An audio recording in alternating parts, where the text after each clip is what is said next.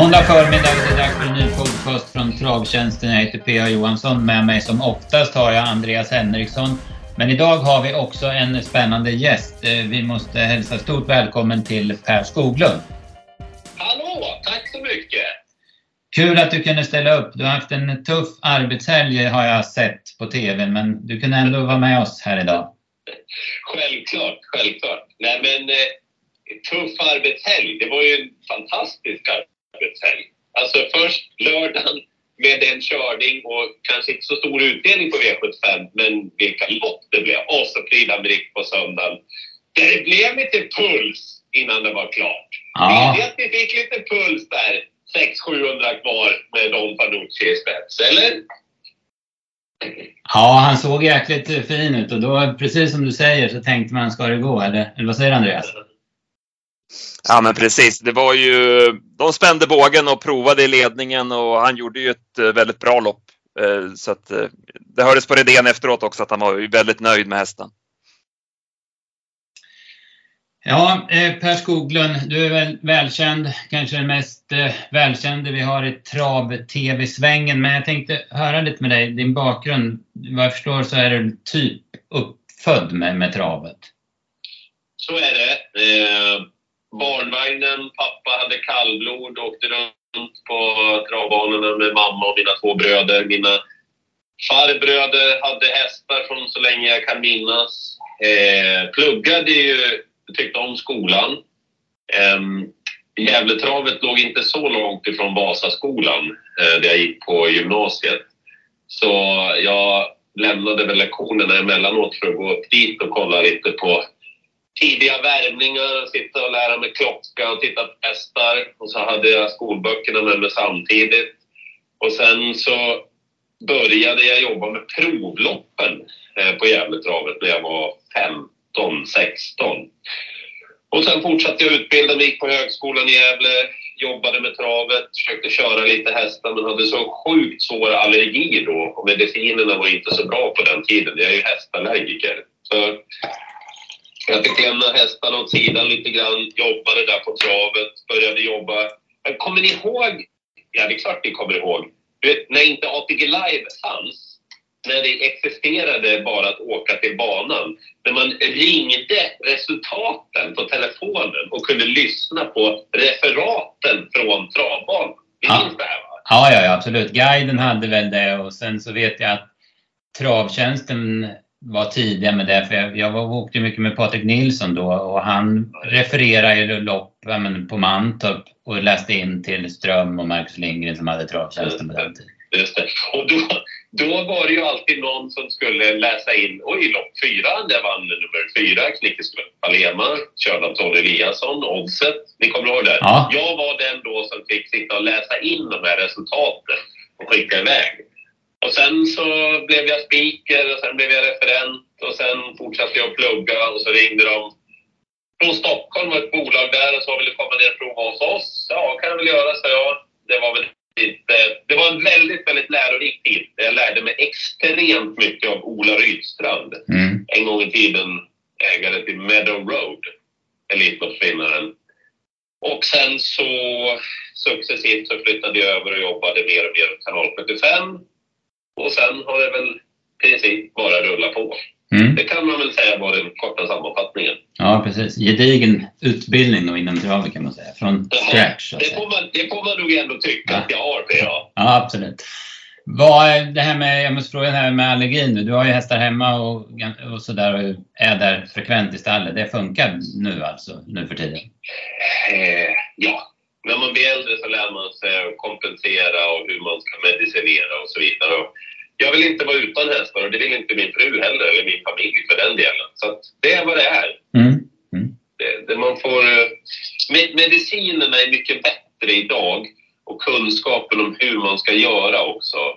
Eh, hur man depåmedicinerar med kortison till exempel. Mm.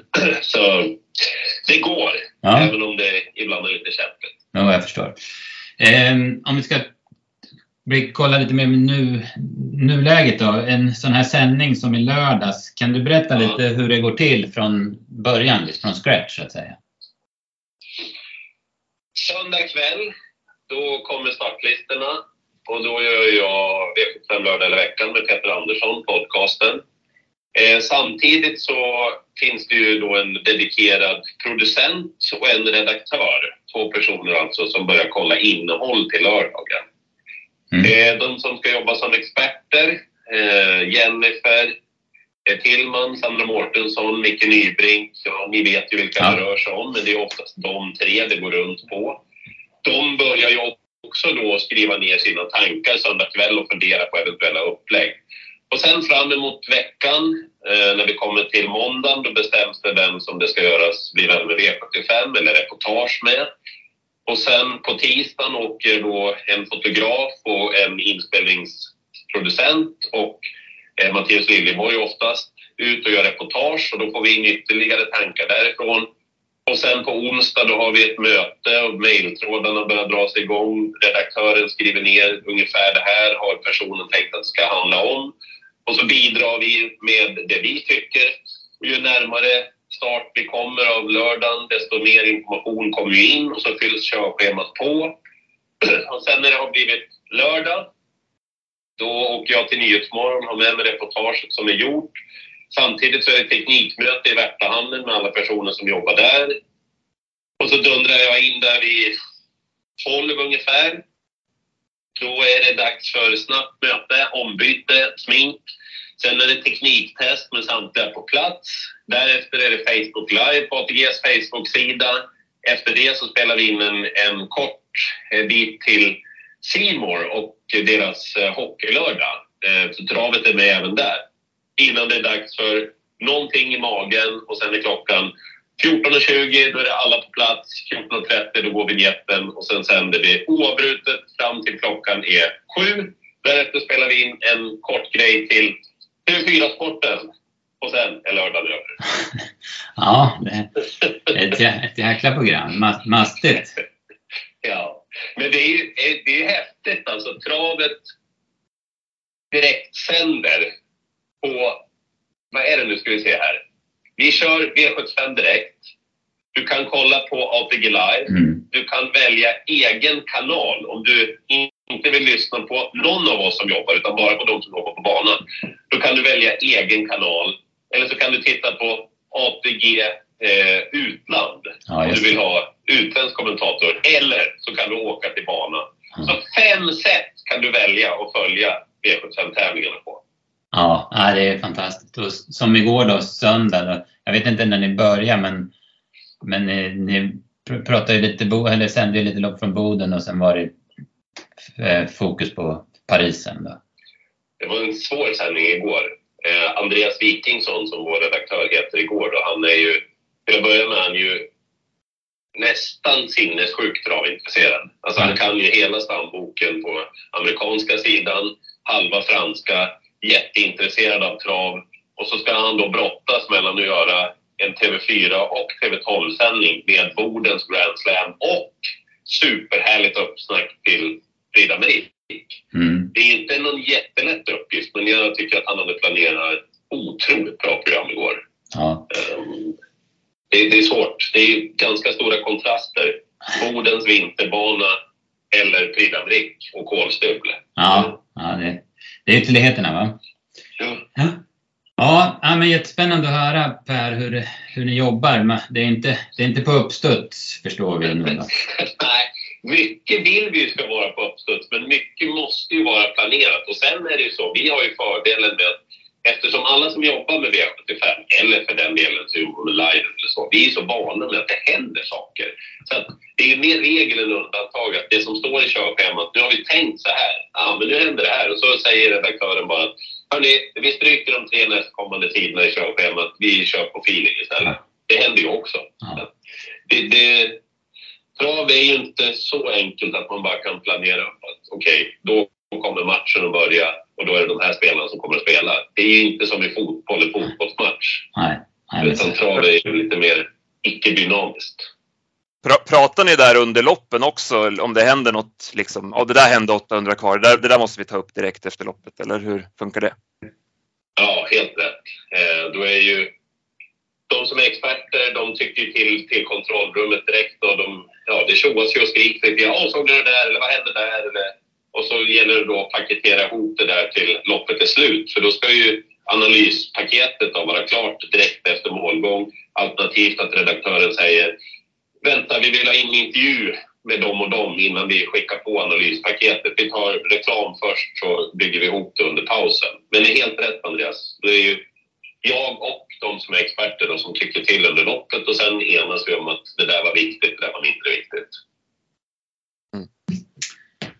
Ja, spännande. Ehm, ska vi snacka lite om V75-omloppen från i lördags då? Ehm, Halmstad, det blev ju som du sa Per, ingen höjdarutdelning och vi ska väl säga direkt att vi på Travtjänsten hade ganska dåliga, eller ganska, vi hade dåliga tips helt enkelt. Det, det är bara att lägga sig platt och säga det.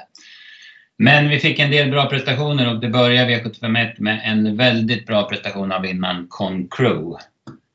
Vad säger du Per? Det är, det är lite extra test. Det där är ju, jag tror att, alltså för, för oss tre, vi, vi visste ju allihopa hur bra Con Crow kunde vara. Men för V75-publiken som är extremt många fler än oss tre och vi som tittar på V75 från söndag till söndag. Eh, att Con Crow fick göra den där prestationen, alltså det var så himla bra för V75 också. Alltså dels då att Johan valde att tävla, ta emot med Tears in Heaven. Hade han släppt där, då hade vi inte fått något riktigt mått på hur bra Con Crow är. Nej. Nu blev det ju en håll käften-insats så att alla fattar att nästa gång Con Crow dyker upp på listan, till och med de som är måttligt intresserade av V75 fattade ju lördags att men shit, fan, Con Crow startar på lördag, var han nu dyker upp någonstans. Ja. Så, så, det blev ju extra bra av att Johan valde att tävla och ta emot. Det är så himla viktigt ur så många aspekter. Ja, jag håller med. Vad säger du Andreas? Det, det var häftigt lopp han gjorde. Ja, men verkligen. Och som eh, Per säger där, det här kan ju vara en sån reklamhäst för V75 eh, en längre tid framöver också, så det är ju jätteviktigt. Och inget att säga om att Johan provade i spets heller. Det var ni också inne på i studion att det var ju värt att bjuda upp till strid. Ja, det, det är ju viktigt. Jag vet inte om ni tänkte på det i sändningen, men det här med att så här, ja, den provade ledningen och varför gjorde den det eller varför gjorde den så? Det är en väldigt fin balansgång det där. För att ni som ser trav hela tiden vill ju att det blir race i loppen. Men man vill ju helst inte att det blir race när man har spikat den där favoriten som man har planerat att den borde komma till ledningen, för det tycker vi. Alltså domen som faller efteråt på den som provar att ta emot den måste ju liksom vara lagom hård. Annars, jag vet inte om ni kommer ihåg för ett antal år sedan, kan det vara tio år sedan?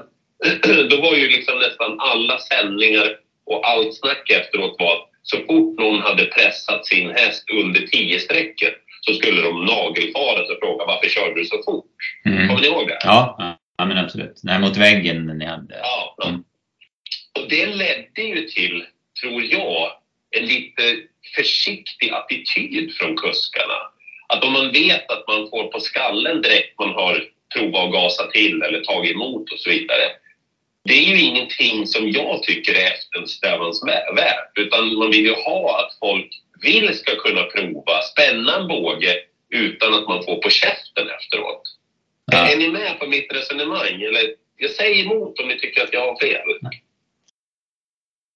Nej, ja, absolut. Nej jag håller med också. Och jag, jag, jag, det, var, det låg lite i boken att, att någon skulle ta emot. Stefan var också inne på det när han och jag pratade om loppet. Att, att jag, jag tror inte jag får ledningen gratis, han. Och det var ju helt riktigt analyserat av honom. För hade det blivit, även om det hade blivit både i OSM till ledningen så, så hade nog Jeppsson provat så länge det hade gått. Liksom, så. Ja, absolut absolut. Ja, Concro häftig. Alltså jag hade alltså, eh, när han provade mot ledningen där från 2100 kvar så hade jag 9 i 300 meter. Och sen så är han ju så fin hästen och bara plocka upp honom och gå ner i rygg och han är helt cool. Va? Så att, där har de gjort... Han har ju fått till honom så fint också, ja. Stefan Persson. Tidigare så sprang han ju och hängde så mycket tum i kurvorna och man tyckte ju att det var den där gången han gick barfota på Halmstad att oj, det var barfotan som, som var grejen liksom. Men nu, nu ser han ju så rak och fin ut och ser så bra ut med skorna på också så Stefan Persson måste ju få en eloge också för sitt tränarjobb. Ja. Kanske man glömmer det där ibland.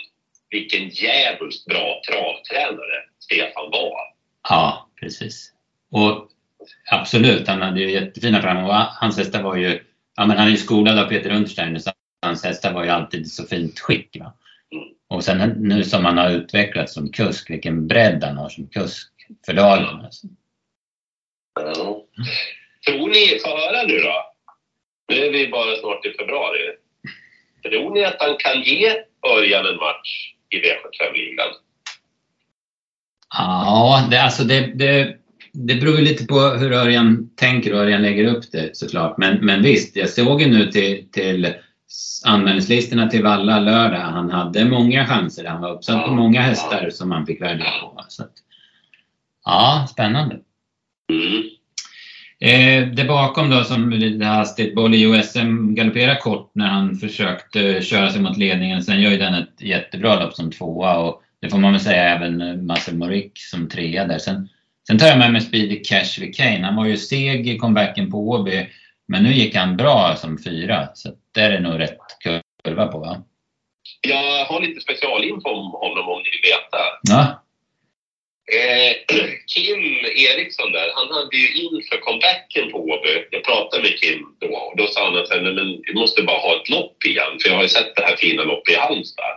Och han hade ju noll krav på honom då inför eh, comebacken där på Åby. Men så sa han att eh, han var lite i valet och kvalet där runt sista kurvan eh, nu i lördags. Han visste att hästen skulle vara jävligt mycket bättre i ordning. Men han sa han har ju haft lite strul med just runt sista kurvan. Ni vet han var lite känslig där. Mm, liksom. mm. Och då sa han, skulle jag ut och krångla eller skulle han välja att göra som han gjorde nu?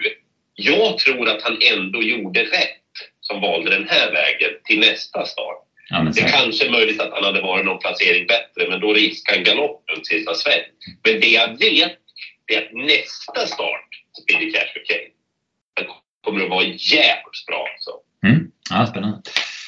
Eh, V75 2, så där blev det ju en, eh, ja, men en start som man inte riktigt hade förväntat. Jag var ju ganska inne på att bara Bobbit, precis som i Eskilstuna eh, då när det var så dimmigt, skulle hålla upp ledningen och sen braka på. I, sen skulle man få se om han räckte eller inte, men, men han öppnade ju ingenting och sen galopperade i första svängen. Så det blev Maestro Michel till ledningen och Frankie Godiva som man kunde spekulera i skulle bli lite strul för från bakspår han kommer ju ner perfekt i andra par ut efter 300-400 meter. Du som trodde på honom Andreas, du var väl rätt nöjd i det läget va?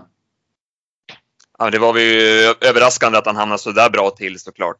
Eh, att han skulle få andra utvändigt. Så ja, men man kände väl tidigt att han skulle ha bra chans att vinna. Eh, vi nämnde ju SG Mistral här i podden förra veckan som ett tänkbart rysardrag och han gick ju väldigt bra igen som tvåa. Så han måste ju få vinna lopp snart. Ja, det är märkligt. Har du inte med på att han inte har vunnit lopp den hästen. Nej, vansinnigt alltså.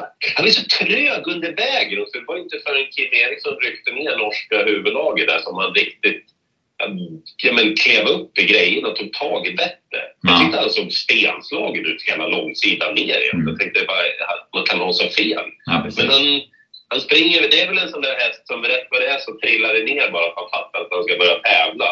Och då kan det komma tre raka istället för honom. Den, Valmans den där orangea masken skulle ut, precis som du sa Andreas i podden, den skulle man ju vilja ha på honom va? Ja, just det. Just det. Eh, då... Jag ska bara säga en sak. Jag tar med mig den Lucia di Quattro. En mm. jädra fin häst det där. Mm. Den gick bra igen. Ständigt underskattad. Ja, hon spurtade ju bra på stretchen där näst senast på Åby va, så att, mm. jag är med på det. Men tror, vi... tror, ni att, eh, tror ni att Frankie Godiva vinner även från dödens? Joakim Lövgren gjorde ju ett val där när han eh, tog dödens istället för tredje in med Steady Roger. Eh, då får ju Kim andra utvändigt tänker jag. Tror ni ändå att Frankie vinner eller? Jag tror det. Så han var så lugn och fin i, i lördags, så jag tror det. Han, jag tyckte för varje gång Marcus Altmüller var på lite med tömmen på upploppet så tyckte jag liksom han sträckte lite och så sträckte han lite till och så sträckte lite till. För det, det kändes aldrig riktigt farligt att Eskil Mistral skulle gå förbi. Så, Nej. ja, jag är nog inne på det, att han vinner i alla fall. Mm. Ehm, ja, sen i gulddivisionen då, där var ju tråkigt. Fall Stream som vi spikade på förhand eh, ströks ju då. Vi fick. Stefan hörde av sig några minuter innan den blev officiellt struken. Så då fick vi börja jobba där, Andreas. Vi var några stycken som ringde, ringdes då och försökte reda ut hur vi skulle lösa det här. Så det var lite lördag morgonjobb där för oss. vad Ja. hände då? Kan ni förklara för alla som gillar er och tittar hos er då hur ni tippar eller köper era tjänster? Vad, vad händer då? Blir systemet omgjort då? Eller väljer man alltid och nej, men nu gör vi så här, vi väljer en annan spik? Hur, hur, hur gör man? Nej, det vi kan göra om systemet. Eh, kunderna som har köpt eh, tipsen, de, har, de får det ju uppdaterat så de får ju den nya varianten automatiskt när de loggar in igen. Då. Så att vi kan absolut göra om systemet. Och vi hade ju där, vi pratade ju om vilka alternativ vi hade att, att bolla med. Men till slut kom vi fram till att eh, Chapuis skulle bli väldigt klar favorit. Medan Aetos eh, ja, men in, alltså skulle trenda neråt som ni brukar säga i TV. Så vi valde och hoppades att han skulle vakna till med Magnus A. Djuse i vagnen och med den amerikanska vagnen. Att antingen att han skulle öppna väldigt bra och kunna vara med och strida om spets eller att det skulle lösa sig och han skulle kunna gå fram utvändigt om Chapuis och, och vara lite av den gamla Etos och vinnare. Så vi valde faktiskt att spika Etos Kronos men vi hade ju, eller hur Andreas, vi hade ju många alternativ att bolla med i övrigt också. Mm. Ja, men det var ju en sån omgång som var lite begränsad på förhand. Och, så det kändes ju rätt att ta ställning i loppet. Nu tog vi ställning för fel hästar, men så, så kan det ju vara. Men, eh, eh, eh, Är ni säkra på att ni gjorde det? Alltså nu vann ju Chapuis med 20 meter så det är lätt att säga. Men tänkte det, jag vet inte hur, vilken fot jag ska stå på. Magnus Djuse, jag menar han säger ju vad han tycker. Han, han skiter i vad folk tycker. Det är ju alldeles uppenbart. Han har ju ingenting på för att säga att Aetos Kronos, vad sa han? Han kändes precis så bra som han gjorde när han var bäst. Jag Exakt. skulle ha behövt en vänsterstång på honom bara. Ja, Jag, jag, Men tyck, köp- jag tyckte också... Ja, ja, jag tyckte också att han såg... Han var blankare och finare tyckte jag. Sen, sen, häng, sen bröt han ner. Han höll ju på att galoppera efter 500 meter för då gjorde han ju något sånt där, bara kasta sig ner. Men då lyckades ju Magnus rädda honom. Men sen i svängen så gick det inte. Men, men jag, håller, jag, jag var också lite inne på att han såg ja, men, mer fit ut om man säger. Mm, mm, mm. Mm. Ja, Inte sista ordet är sagt i nej, sagan om Aetos. nej, snart kan han gå barfota också. Men en dryg månad. Men eh, Chapuis alltså, hatten av. Men det, är inte, vä- det är inte världens bästa häst, men vilken löphäst det är och vad, liksom, vad effektiv han är. Och en sak till om Chapuis. Vilken V75-profil. Ja, Vilken profil alltså. Exakt en sån där som Micke Nybrink alltid håller på och tjatar om. Alla som spelar V75 kan någonting om Chapuis. Ja just det, det är den Örebrohästen. Det är han roliga Åke Lindblom. Ja, det är den som är så startsnabb ja. De kan direkt få upp en bild i huvudet och nu är han ju dessutom på vinnarhumör hästen också. mm, mm. ja men han har gjort bra jobb med honom. Alltså, han har utvecklats mentalt, det måste man säga. För det var ju likadant i V75-finalen där på 26 november på Valla när han öppnade väldigt fort och sen avslutade bland de snabbaste också, över, över 2,1 den gången. Alltså. Och du, du PA, du, spelar in en, eh, du och Mårten spelar in en podd med Carl Philip igår kväll Ja, exakt. som ligger ute nu och går att lyssna på. Mm, mm.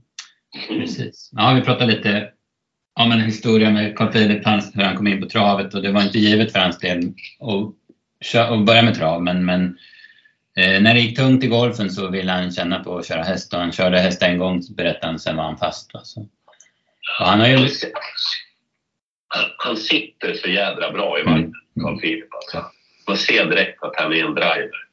Ja, verkligen. Och sen han, han har ju liksom, även om han inte håller på så länge så har han ju gått lite den långa vägen för han körde ju precis som sin pappa Karl-Erik gjorde i början av sin karriär har han kört väldigt begränsade hästar men det, de här bra hästarna har ju kommit. Eh, bakom där Pacific Face, ja men han hackar på som vanligt och går bra som tvåa men långt bakom Chapuis. Eh, undrar vilken nytta han får av det här loppet. Han lär väl ska sitta på Paralympiatravet med honom, tänker jag. Mm. Giuseppe Lobrano. Ja, det är säkert. Jag hade 10 och 2 sista åtta på honom så att han fick ju springa på lite grann. Mm. Mm. Mm. Eh, V75 4 så då, det var, det var märkligt hur det blev kört. Jag hade inte riktigt det klart för mig att Denisa skulle, att man skulle vara så påställd med Denisa och elda på som man gjorde där framme. Men det höll ju verkligen på att betala sig. Det höll ju på, ja men det, var, det är ju inte jättelångt från att de vinner. Alltså. Nej. Han, han måste ju vara duktig han Henrik Anderberg där som håller på med sina hästar. Jag tycker att han ofta gör ja, men bra hästar av det man först tycker är så här, ja men den där har väl ungefär den där kapaciteten. Mm. Alltså får han jobba på lite grann med dem och säga, jaha, var det så bra? Det utmärker ju bra tränare alltså. Ja. Det, det där har jag underskattat totalt. Alltså. Ja, precis. Man fick ju lite upp ögonen för henne näst senast. Men, men inte, som jag säger, inte trodde jag att hon skulle vara speciellt aktuell här. För jag trodde att hon skulle, de skulle komma på henne, antingen Honam om han skulle hitta ut, eller Amazing Hazel då. Och så skulle hon släppa och så skulle hon hänga med och bli trea eller något sånt där. Alltså. Men eh, nej, Waldmüller, han var stärkt av segern där och han, det gick rejält fort mellan efter 500 till upp till 1000 där. Då var det temposkärpning. Då gick det undan. Mm. Jag minns den där, jag, jag kollade, eh, det var, den startade ju något lunchlopp där i början när den kom till Sverige. Eh, Eh, var ju tvungen att kolla upp den från loppen i Slovenien. det, det var ingen, det var, den Youtube-sökningen var ingen lek, men eh, ja, jag hittade något lopp i slut i alla fall. Så att, ja, nej, men eh, överraskande bra. Jag vet, jag vet, inte om hon varvade upp lite grann efter, vart det en omstart här. Ja. Och det var ju inget bra för Amazing Hazel, för den kom ju iväg väldigt bra i den starten. Mm. Eh, så att, hade den starten gått så, ja, eventuellt kanske den hade kunnat kört sig till spets och då hade vi fått kanske en annan vinnare. Mm, ja, precis. Vismy Magic vinner loppet nu. Det vart, eh, Stefan var orolig för att han skulle få dödens om man laddar från start. Och det såg ju ut som det skulle bli också, men då valde Magnus Ljus att ta dödens med Honam och det är inget konstigt eftersom den funkar bäst utan rygg. Då. Men det gjorde ju att den var rökt i dödens i det där hårda tempot. Men då fick ju istället Vishmi Magic en väldigt bra resa. Och sen, sen är han ju liksom, ja men han är ju rejäl. Han gör ju sitt jobb varenda gång Wish med Magic och nu har han ju liksom börjat vinna lopp också. Det var det någon av er som trodde på den här utvecklingen? Nej. Wish Me Magic, det var väl en ganska vanlig häst som var aktuell V64, Åby, ja, mm. spelat mellan mm. 8 och 12 procent. Lite startsnabb så cool utvecklingskurva alltså. Ja, precis. Han, var, han vann väl i Kalmar, skrällde väl i Kalmar i midsommar. Ja. Det var en, ingen bra vinnare för oss, eller hur Andreas? Var det bara en strax på den gången? Vi fick sex, sex sexor, eller vad var det? Något sånt där. Nej, men den var lite som du säger där Per, man tyckte att den var en fin, fin travare men kanske lite blöt till slut så där tidigare. Men han har ju verkligen utvecklats och blivit tuffare också väldigt bra för honom tror jag att han kom förbi Honam in, in i svängen där. Så att inte, hade Honam lyckats fånga upp honom där så hade det nog blivit värre. Men eh, Stefan la ju lasset där och tog sig förbi och ja, det kanske blev vinstgivande också. Mm. Det var cool hjärnornas kamp där. Magnus Djuse, utvändigt som ledaren, satt ju bara och körde mot Stefan. För att, ja. Och hur skulle Stefan då göra? Skulle han kliva ut lugn i tredje spår på tredje hela sista varvet? Skulle han lägga lasset? Skulle han chansa på att sitta kvar? Alltså det här blev ju någon sorts... Jag menar, han gick ju på rött hela långsidan ner, Wishman Magic. Jag tycker det var... Det, det var ju inte så att han slog av på takten till slut heller. Han klev ju bara undan Ja, segermarginalen blev ju stor, absolut. Eh, sen måste man ju tycka lite synd om kretsen kring Amazing Hazel, för det var ju precis som du sa Andreas, han öppnade ju jättebra i den första och sen inte satt en fot rätt i den giltiga. Va, den spelar man väl nästa gång? Va? Ja, han är fin den hästen. Jonas Larsson där som tränar, vi hade ju med honom i vår podcast. Han var ju jätteuppåt på hästen. Mm, mm. Han lär ju inte vara sämre i nästa fart. Nej, det tror man inte. Inte som han såg ut innan. Japp. Sen V755 då Ja men kul med Anders Svanstedt. Det, det rullar ju verkligen på för honom. Eh, och han har ju liksom kommit tillbaka eller vad jag ska säga. Och nu spände han bågen med Muscle Lane. Han var klar och tydlig med att han skulle köra ledningen. Det fanns ingen annan position. Det var ett rejäl körning där mot Elefant på första långsidan. Men, men han, höll, han höll sitt ord och körde spets och sen så var ju Masserbain betydligt tuffare än han har varit. Han vann ju ett lunchlopp på Axvall i december men då gick det ju väldigt trögt till slut. Så jag var ju helt inne på att han ändå inte skulle palla här men det var en, det var en mycket bättre prestation än jag hade väntat mig. Har han inte fått under ett års tid nu, Anders Svanstedt, en nivåhöjning? Lägsta nivån är mycket högre mm. på hästarna mm. än vad han var tidigare. Han har ju han har ju sagt det också att han har landat i saker och ting. Ja. Han har väl blivit pappa dessutom, Anders. Mm. Det tror jag inte man ska underskatta när det handlar om att värdera om saker. Nej, um, nej. Det är... Och så, jag gillar också att han det med över mål där liksom. Han fattar ju 50 kvar att okej, okay, gick vägen det här. Jag sa till alla att så här kommer jag att göra. Och så går det vägen att han knyter näven över mål liksom. Det är så viktigt att man signalerar mot omvärlden också. Jag sa ju det här. Ja. Ni skulle ha lyssnat på mig.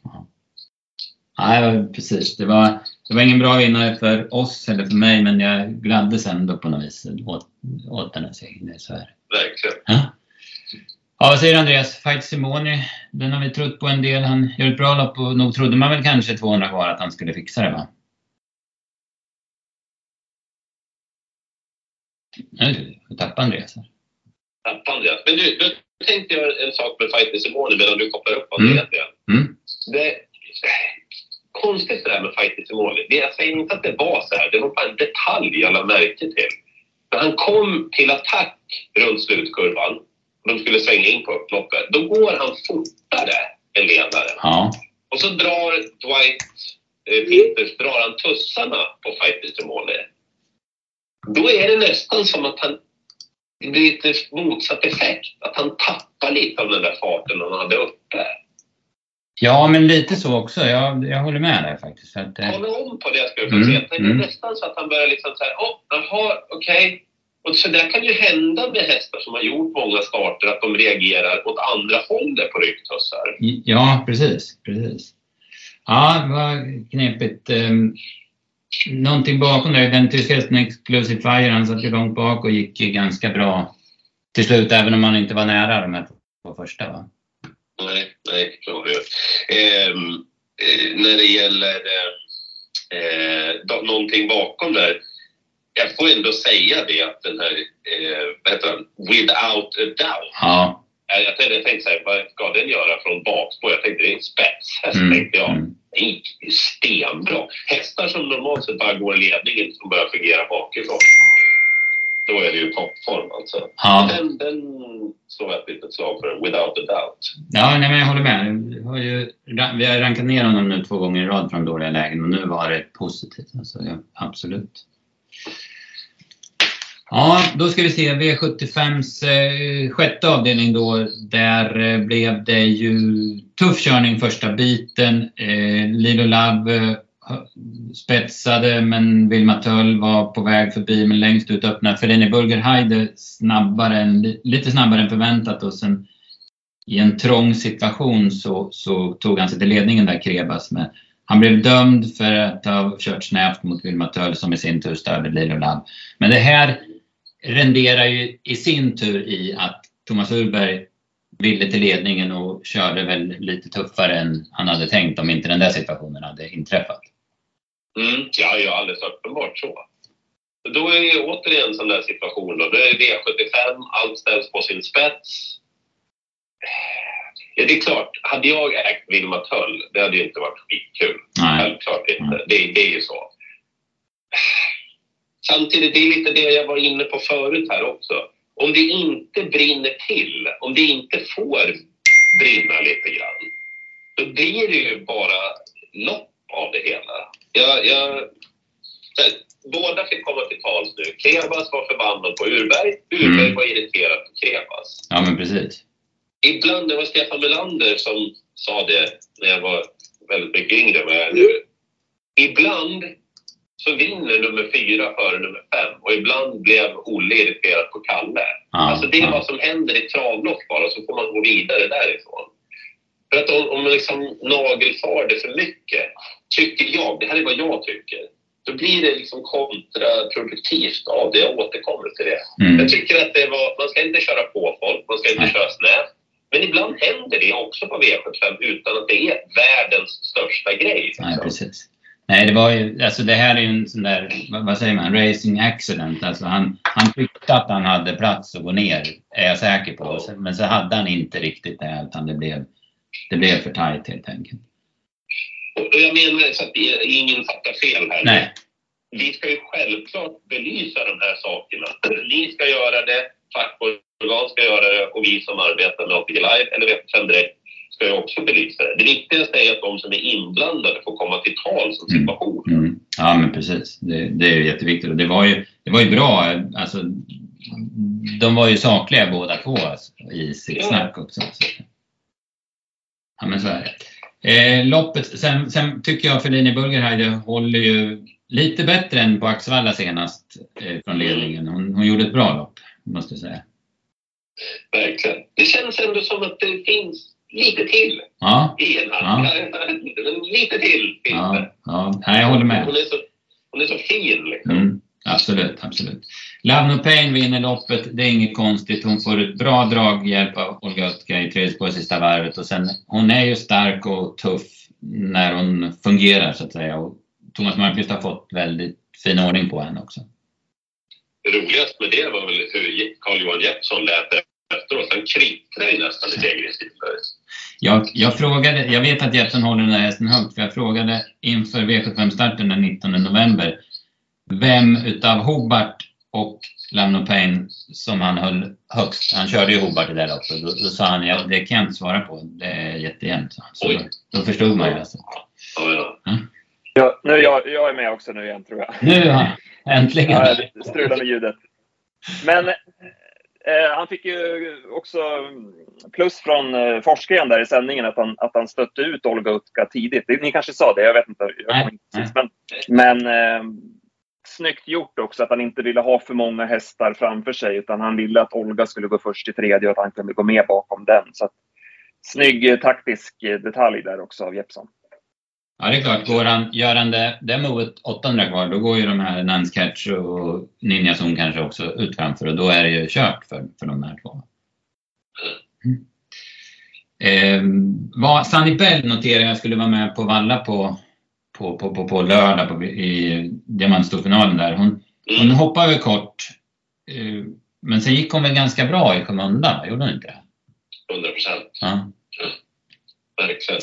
Det är lite jobbigt läge nu på lördag bara. ja, och hårt inne står hon ju igen? Så, så är det ju. Ja. Eh, nej, men bra. Eh, ska vi gå till sista avdelningen då? Då eh, blev det ju i det loppet man hade förväntat att Fleming skulle se till så han höll ut Unique Creation. Men Unique Creation öppnar ju mycket bättre än, än han har visat, eller hur? Han var ju bra med från start den gången. Ja, verkligen. Johan hintade lite om det där i intervjun före med Anders Nilsson. Att, ja, men han kan nog öppna bättre. Jag får gå lite på feeling och sådär. Eh, den där skulle kanske till och med kunna bli lite startsnabb. Jag tänker Mm. när vi kommer till sommaren, lite barfota. Han har ju liksom jobbat in sig i grejerna, får på sig ett helstängt kanske. Vad, vad händer då bakom bilen? Ja, Han är ju inte osnabb hästen i övrigt. nej då, nej då. Han har inställning också så att han vill nog också.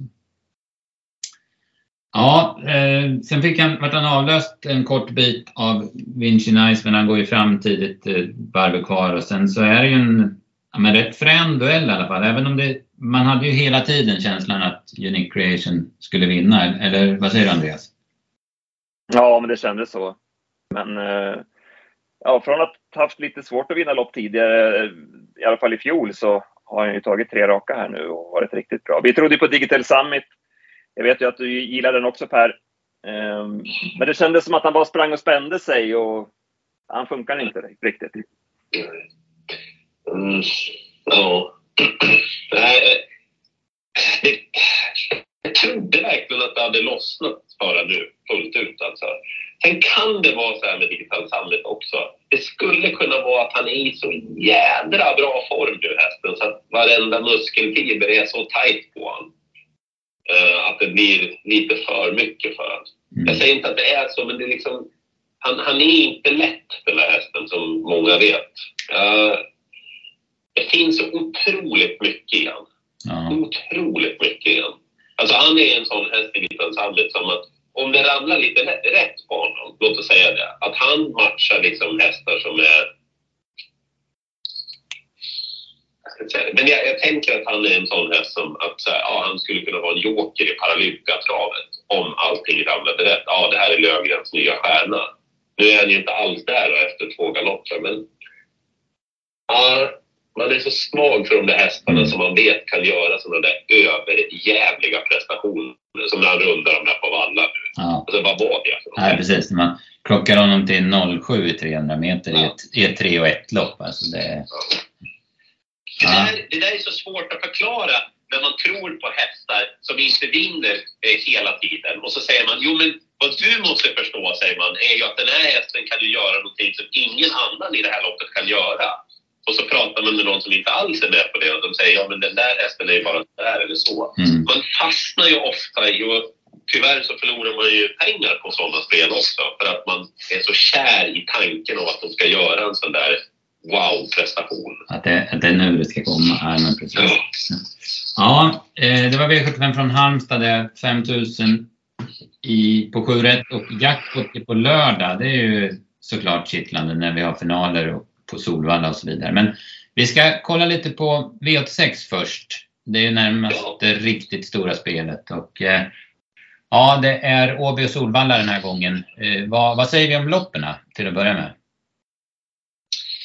Eh, jag kan berätta att jag jobbar ju jättemycket med Åbyloppen. Mm, ja, det är bra. Och Mattias Bante gör ju program till varje onsdag. Jag har ju verkligen lagt ner mig nu för att jag vet inte hur vi än har försökt att tippa så har det blivit något fel. Även om vi har varit rätt på det så blir det fel i alla fall.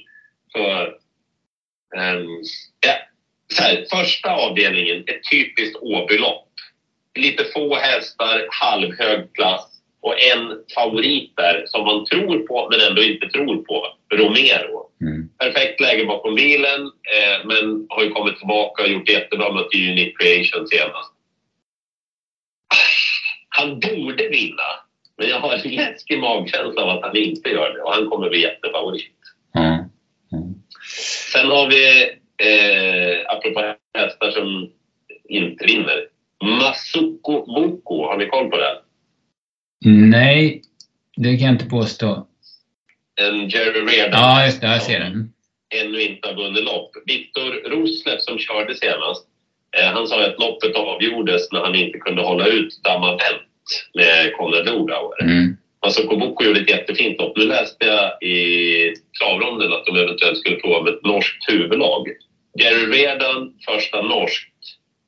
Då spelar jag. Ja, ja. Det, det är en signal för mig att han antingen har höjt dosen på träningen inför ett speciellt lopp. Han vill maxa upp hästen lite grann, prova om den har en vinnarinstinkt eller inte. Eh, Den där kommer bli helt ospelad. Mm. Jag ser Bahia är jättefavorit nu. Det är ju ingen omsättning, men den alltså, den hade man ju känsla för att det inte var någon riktig vinnarhäst. Sen sprang den ju ja, men ifrån sig själv i, i Mantorp. Men då hörde jag i segerintervjun att den slog i vagnen. Så det var ju därför Ja. den typ skentravade. Sen var den tvåa sist igen. Så att den är nog lite sårbar i alla fall. Det säger Masuko Boko och Uberti Face som det äntligen fick stämma för senast. Ja, han var ju jättefin då. Var. Eh, Eh, sen har vi en holländsk häst i avdelning 5, Kibbe Starlake. Den är också, det, temat är hästar som inte vinner verkar det som. Men den, den gör verkligen inte det ofta. Men det är en jäkla bra häst på att avsluta. Man kör snällt med den, men den går som ett tåg över mål varje gång. Åby, Rick Ebbinge, rygg på och doktor hela vägen och så open stretch. mm. Det borde kunna bli perfekt för den. Spännande. Eh, sista på Åby då. Vad tänker du där? Där hade jag en tanke faktiskt. Ja, låt höra. Chantal Jette, hon var ju så fin i comebacken. Hon var ju, där hon satt fast. Och så var hon ju så himla bra förra vintern. Men sen har hon ju inte varit på den nivån. Men jag tänker att det borde Ja men det borde finnas där i alla fall om man säger så. Ja. Eh, jag tycker att Adrian Colginis hästar är lite uppåt nu igen. Eh, Athena Face tror jag att jag går på. Mm. Hon har fått ett lopp i kroppen. Hon gick okej okay då. Hon, det syntes bra att hon behövde det loppet i kroppen. Hon är rätt stor. Hon mötte den där Bicana Wine på Palchen-hästen, den där fina som Johan Untersteiner har. Nu är det öppet spår, amerikansk sulky, lopp i kroppen, Adrian kör själv. Mm. Mm, det skulle kunna vara någonting. Ja. Eh, apropå hästar som inte vinner lopp. ja, precis. Det är din, det är din take på den här omgången. Ja, det verkar så. Ja. Vad, Andreas, du har ju alltid jättebra koll på Solvallaloppen. Eh, har du någon, Mm. du någon Eh, ja, jag kollar på listorna nu och spontant så måste man väl prova igen med Andy Gel. Vi trodde ju på honom i onsdags. Då klarade han inte spår 4 i voltstart och galoppera. Han var ju kastrerad inför det och hade ju tränat bra. Och minns ju där när han vann eh, med Peter på, på Valla från spets att han plussade ju kraftigt för att han eh, höjer sig i ledningen. Så skulle man kunna få honom till spets här så känns han ju väldigt intressant. Eh, Jag har inte pluggat spetsstriden än, men han öppnade i alla fall bra då. Den gången han vann. Eh, Det vill säga Normal Sass eh, som blir klar favorit där. Men ja, Andy Gill känner jag väl lite spontant för. Mm. Sen i avdelning 6, nummer 10, Bola Bass, gjorde ju första starten för Westholm senast. Det var ju aviserat ett passivt upplägg och han körde ju snällt också. Jag vet inte om han inte riktigt fick ut den på upploppet där. Eh, Om ni tänkte på det, men det där har säkert Westholm filat till till den här starten. Kan ju... Vad sa- du Per? Jo, hon har väl lite det problemet, Moja Bärs, att hon gärna vill mer inåt i banan än utåt i banan. Mm, exakt. Men jag tänker att eh, kan hon gå med i rygg här på stallkamraten Karelia kanske så bör hon ju kunna eh, spurta vasst med det där loppet i kroppen. Så att hon känns väl också intressant spontant. Mm. Ja, en otroligt spännande häst alltså, om man skulle få ordning på henne.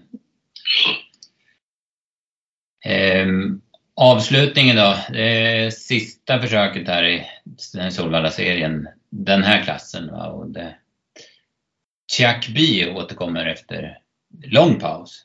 Svår, svårbedömd häst. Apropå, hästar som inte vinner. Ja, precis. Ja. Ja, Nej, jag, jag, jag har ingen aning. Har någon av er, kan någon av er säga hur bra B är? Varsågod.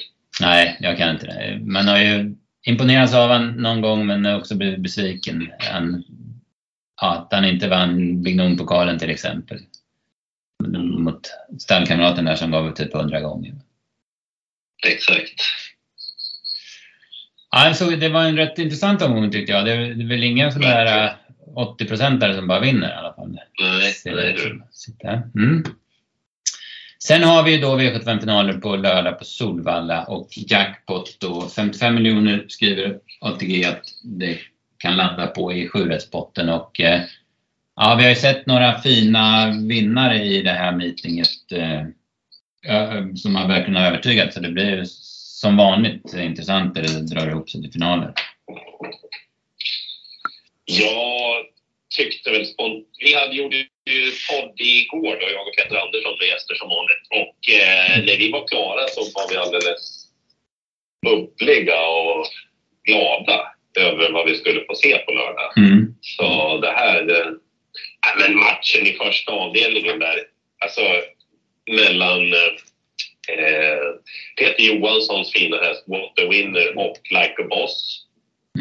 Och sen i avslutningen Gaylordan mot Borups Victory. Precis. Sen hade du bra, bra namn i avdelning två också, va? lägsta klassen. Där. Everglow Lemon, Marabou Ja. Brodda, Elvego Khalifa och Wäjerstens båda Chitchat och Debonair Mary. Va? Så nej. Nej, var att sätta tänderna i det där igår kväll. Det var något Mm, mm. Det, som, det som blir uppgiften den här gången för V75-spelarna, framförallt för er då som ska göra det här, det tycker jag är gulddivisionen. Ja, vilket svårt lopp. Vad ska man ha för tankar om det egentligen? Ja, men alltså, skor på Spickleback Face har inte startat sedan i somras. Övriga vinner ju inte jätteofta. Spår 9 för Eddie West Mm. som är avmaskad och vaccinerad och har tränat bara Mm. och siktat mot uppgiften lite längre. Claes Sjöström är med i podden för övrigt. Ja, okej. Ja, bra. berättar jätte, jättebra där. Eh, och hur man ska ranka, hur man ska tänka. Det här, jag tycker det kändes otroligt läskigt för det här loppet. Mm. Usch. Har du någon vinnare där, Andreas, spontant i gubbet? Nej, jag håller med att det känns svårt. Eh, ett intryck som jag bara tog med mig från Valla i onsdags. Det, nu, nu kanske ni skrattar när jag säger hästens namn. Chestnut Hill.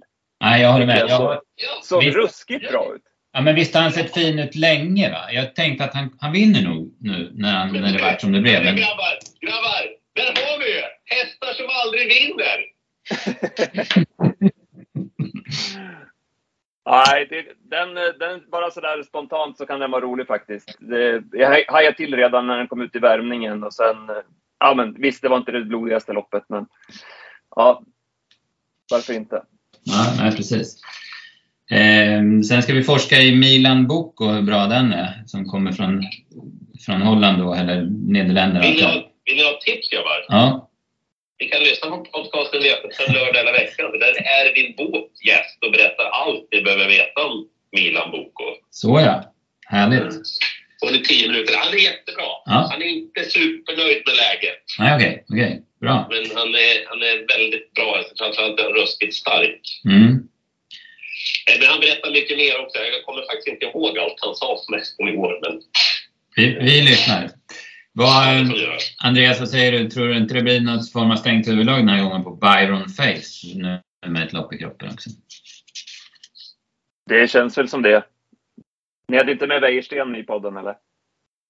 Eh, nej, han fick vila den här veckan. Han hade ju en 45 minuter till Östersund där, så jag tänkte... Jag, Ja, ah, okej. okej. Ja, Nej, men fa- vi brukar ju försöka sprida graserna lite grann så det inte är samma varje vecka. Jag tänker för lyssnarnas skull också att man vill höra nya röster. ja, nej, men det är jättebra. Absolut. Man lär ju höra honom i veckan ändå med tanke på vilka hästar han Ja. måste start. Det är ju snacka om att sitta på leken. Ja. Eh, sen bläddrar jag till V756 då, final i diamantstoet. Där tänker jag direkt att Jensen Persson står väldigt bra till. Hon, eh, hon stod ju punchigt till i Kalmar då det var en spårtrappa och så stod hon längst bak. Nu står hon ju, man kan säga att hon nästan startar 20 före Heroin Darling. Med tanke på att den har bakspår. Va? Känns väl som Jensen Persson har en rätt så bra uppgift här. Mm. Håller med. Eh, Hur är det med Löfgrens vinnarform? Nej, det är ju, det är ju ett frågetecken. Jag vet inte. Han hade ju en längre utläggning där om att han håller på att testa av lite olika upplägg och håller på att kolla lite i stallet vilka som reagerar på en viss typ av träning och vilka som ska vara kvar i stallet inför säsongen och sådär. Så Mm, han kanske bara testar sig fram. Jensen Persson kanske inte ingår där och kanske bara är hur bra som helst. mm. Nej, precis. Ja, lite svårbedömt. Sen i sista, även om eh, Gaylord är stenbra så Boris Victory, man kan ju inte låta bli att imponeras av honom. Alltså vilken, vilken modell det är. Andreas, föra nu. Föra nu 30 sekunder om Borups Victor här. Jag, jag la ju ut texten i vår podd eh, förra veckan eh, om hur hur jag fastnade för den här hästen. Det var ju ett, ett Margareta-lopp när Berg hade den och han körde, körde 6 i 500 meter. I, och, och, och bara se hur den tog sig fram då, då var den ju liksom heller inte liksom lika i ordning som den är nu. Men vilken kapacitet det finns i den alltså. Det är, och, och som den såg ut senast, den har väl aldrig sett bättre ut. Nej. Så det känns, det känns ja, jag, gillar, jag gillar också Gaylord där, men jag spikar honom på nyårsafton där och så. Men att han ska slå Boris Victory, nej, det, är- det är svårt att tro alltså. Ja, Visst har man väl... Man, man tänker väl att han kan starta i guld med Borups Victor. Ja. Borups Victor från spår 4 i gulddivisionen ja, ja. på lördag. Va, va, va, va, om han är spelad på 18 procent, vi tar ju med Borups Victor ändå, eller hur? Alla dagar i veckan. Absolut. Menar, det är ju, det är ju så som måste tänka. Det är ju en sån häst. Mm, mm. Ja, det, det, det ska bli så spännande att följa honom. Hoppas att han, att han håller sig fräsch och att han fungerar liksom under en längre tid. För det är det som har varit problemet med honom. Ja, ja rolig, rolig omgång, helt klart. Ja, verkligen. verkligen. Ja, ska vi börja runda? Vi håller på ett tag nu. Så. Men vi... Kan vi, inte bara, kan vi inte bara prata lite grann kring den här podden som du var inne på Per, V75 lördag hela veckan? Eh, ni har hållit på ett par år nu va? Ja, två, två och ett halvt år. Vi börjar närma oss väldigt många avsnitt nu. Eh, det är... Eh, den har väl blivit för mig och Peter har den blivit viktigare och viktigare. Vi är väl, om än vi kan uppfattas som både oseriösa och flamsiga och ibland superseriösa och djupa så podden betyder mycket för oss. Och jag tror också och hoppas att för många så blir det ett skönt avstamp inför veckan och få lyssna på det där på måndag och tisdag. Inte bara kanske för de som är måttligt intresserade av e V75 utan även för er som arbetar professionellt med det. Ni hör lite grann vart strömningarna går åt för håll, vart vinden blåser. Ni kanske spar lite arbete själva. Ni kanske till och med kan ta betalt på idéer som blir för mycket spelade på grund av podden. Eller så får ni mindre betalt om ni har samma vinnare. Så att, oavsett så jag ska inte sticka under stol med att både jag och Peter är, vi är stolta över vår podd. Och vi lägger ner sjukt mycket jobb innan vi väl trycker på play. Även om det inte alltid uppfattas så kanske. Nej, men det, det märks. Jag, jag, lyssnar, jag lyssnar nästan varje gång. Alltså, så att jag, jag tycker den är jättebra. Men du kanske också så här, jaha, det där var inte så bra. Du tycker att du stör dig lite på att det, nu handlar det inte om travel, nu handlar det inte om V75. Är du så Fia? Ja, men det är precis. Jag sa ju det till dig när vi, när vi bokade det här att ibland tycker jag att det inte är bra det, ni, den, när ni svänger iväg åt något annat håll. Men ibland tycker jag det är skitroligt så att jag kan ha det där när, när jag inte tycker det är bra. Alltså jag, jag, jag tar det med jämnmod liksom. Det, det är fine. Det är exakt. Det är det som är så... Vi ska ju då, vårt uppdrag är ju att vi ska starta V75-veckan, vi ska vara underhållande och vi ska få så bred lyssnarskara som möjligt. Det vill säga att vi ska appellera både till er, som i många fall kan mycket mer än vad jag och Peter kan. Men vi ska också tilltala dem utan att säga hur många det är som lyssnar, men flera tusen som spelar V75 och öppnar listorna på lördag förmiddag. Mm. Eller de som är precis inne. Det är ett ganska komplicerat uppdrag att tilltala alla. Ja, men så, absolut. Så är det. Och då, då är det svårt att bara vara rycktussar, tredje invändigt, gick fem och en halv, 400 meter och sen går vi vidare och har en bra treåring i stallet. Mm. Ja. Och då, då blir det lite av allt möjligt. Ja, nej, alltså det, det som är väldigt bra med podden det är ju att ni får ju så väldigt bra connection med de gästerna ni har. Alltså de är ju så väldigt öppna. Men det kanske är för att det är söndag kväll. De har inte hunnit sett att de är favoriter eller ja, det kanske de inser. Men mm. jag vet inte varför, men eh, eller också är det er, er personlighet som gör det. Men ni får dem att verkligen ja, men säga det man, det man liksom vill veta. Man hoppas ju att de känner sig att de är trygga också. Mm. Att det inte är någon, de behöver inte leverera eller de behöver inte... Det, det, får det kan vara lite hur som helst liksom, och det är helt okej. Okay. Mm. Uh, de, det som man framförallt är tacksam över det är ju att ja, men, 99 av 100 det räcker att vi skickar ett sms liksom, eller står en kort signal. Ja, ja, säg bara tid ungefär. Liksom. Och så säger jag, ja men det blir väl nio och så blev det halv elva istället. Det går bra det också. Så, ja, de är ju suveräna. Och sen är det ju såklart också de vi aldrig ringer. Och det finns ju både randiga skäl och rutiga orsaker till det också, som ni förstår. Ja, men det fattar. Ja, Andreas, kan vi, kan vi um vad heter det, få några tips tror jag Per som vi, som vi har nytta av i vår podd. Vi är ju inte alls så stora och det kanske beror bland annat på att vi inte alls det namnet som, som ni är och sen är vi ju mer nischade och vi är mer, ja men det är bara trav i vår liksom. Hur- Har, har du lyssnat på vår podd Per, tidigare? Säg du, säg Andreas, säg igen. Vad sa du? Jo, säg, säg igen. Du tänkte säga någonting. Ja, men jag sa att om, om du har lyssnat på vår podd tidigare, eller lyssnar du, du lyssnar kanske inte så mycket på andra poddar? Absolut. Definitivt. Jag lyssnar inte på er varje vecka. Jag, jag hinner inte med det. Men, ja, men var fjärde gång kanske jag hinner med er. Mm, mm. Ja, men som P.A. sa där, vad, vad, vad bör vi tänka på? En sak är ju ljudet på podden. Där kan vi bli bättre. Nej, men de flesta som lyssnar är väldigt kräsna med ljud. Om vi har lite ljudproblem någon gång på vår podd, då får vi direkt mejl om det. Liksom, varför var det så taskigt ljud på podden? Eller varför hördes det inte det där? Eller så. Människor är, de ställer höga krav på ljud. Och sen nummer två är väl hur, vi har ju ett uppdrag som vi ska leverera med podden. Ni har ju ett helt annat, eller hur? Ni ska ju attrahera era kunder som vill lyssna på er, som gillar er och så ska ni försöka få in några ytterligare från antingen era konkurrenter eller från nya håll, eller hur? Och då, då kanske det är svårt att prata om huvudstäder i Sydamerika kombinerat med vad man hörde på en fin sommarfest förra året. Det, det kanske inte tilltalar er målgrupp. Men det som jag vet fungerar, det är att man bjuder på sig själv.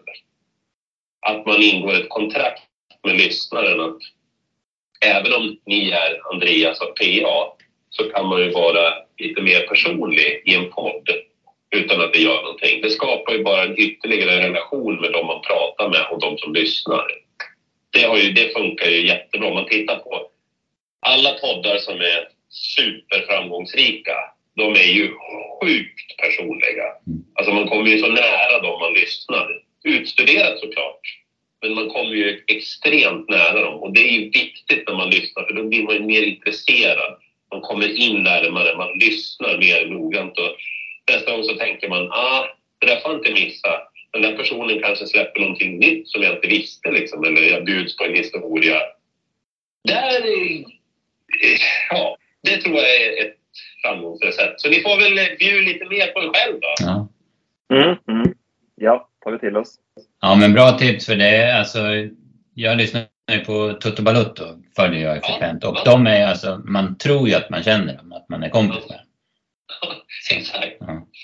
Tror- du alla vet vad Toto Balutto är? Ja, just det. En, Denna, denna sekt till podd ja, med lyssnare. vad är det? Sveriges största fotbollspodd, va? Som Gusten Dahlén och Thomas Wilbacher har. Jajamän.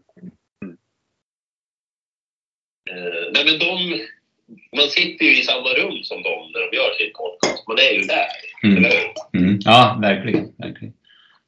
Det var du som puttade in mig på det, på det spåret, Andreas, för x antal år sedan. Ja, på att lyssna på den podden, ja. Mm. Ja. Ja. Ja. Ja, bra. Då ska vi försöka med det. För att... Nej, men ni frågade Ja. jag trodde. Och det är för att jag har ju lyssnat på så många poddar och försökt titta på vilka är framgångsrika. Och de som är framgångsrika, de är ju väldigt öppna. Och det, det får vara så om, Mm. man, om man vill nå en större lyssnarskara. Att man attraherar fler människor. Ja. ja, spännande. Ha, är vi nöjda, Andreas? ja, men det tycker jag. Ja, Väldigt bra. Sir. ja. Kul! Får- ja, vi får verkligen tacka att du kunde ställa upp. Och, Inga problem. Nej. Verkligen inte. Nej. Bara roligt. Ja. Då har jag mockat hälften av stallet också medan jag har poddat. ja, perfekt. Ja. Effektivt. Ja, tack så mycket. Ja, jättebra Per. Supertack. Jajamän, För din tid. Inga problem. Japp. Lycka till då, onsdag, lördag. Ja, tack detsamma. Tack. Och alla andra också som lyssnar som tar chansen. Bra, tack så mycket. Tack, tack. Hej, hej. Hej då.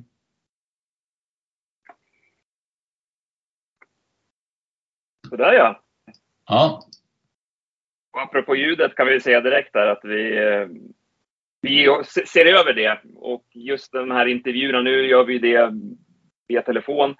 Eh, vi försöker göra dem via Skype oftast. Det brukar bli bättre ljud, men det är inte alltid eh, vi får till den tekniken. Så att det ska vi jobba på, eller hur Pia? Mm, ja, precis. Vi måste hitta, hitta en lösning där, vi, där de gästerna vi har med är bekväma samtidigt som vi får till bra ljud. Absolut. Mm. Ja, men det var intressant att få veta lite mer kring eh, tv-sändningarna och eh, hur man jobbar där. Det är ju kanske mer jobb än vad man tänker att det är, just med att det pågår hela veckan. Ja, men precis. Det, det är överraskande, även om jag har förstått att det är ganska mycket jobb, men det är överraskande. De lägger ner överraskande mycket tid alltså på det. Ja, men super. Ja. Eh, jag tror väl att vi, vi rundar av eh, podden här och eh, laddar vi för veckans trav helt enkelt. Mm, ja, precis. Det är en spännande vecka med, som vi sa, en kul V86 och sen finalen på Solvalla. Det är ju i alla fall någonting alldeles extra. Ja. Toppen! Tack till er som har lyssnat också. Så hörs vi igen nästa vecka. Ja, jättebra. Tack så ni ha.